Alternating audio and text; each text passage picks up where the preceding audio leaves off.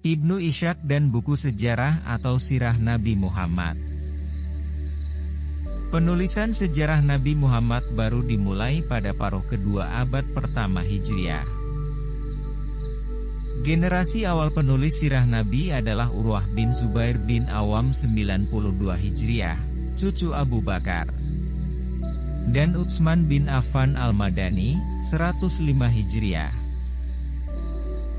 Kemudian, memasuki abad kedua Hijriah, mulai marak penulis yang mengupas sejarah Nabi, di antaranya yang paling masyur yaitu Muhammad bin Ishak atau Ibnu Ishak. Ibnu Ishak lahir di Madinah pada 85 Hijriah. Pada 115 Hijriah berkelana ke Alexandria, Mesir.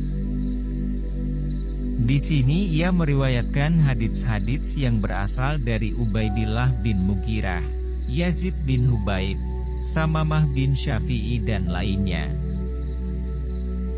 Setelah itu, ia melanjutkan perjalanannya ke Kufah, Al-Jazirah, Rey, Hira hingga Baghdad. Di tempat terakhir inilah, ia menetap dan memulai kerja-kerja intelektualnya.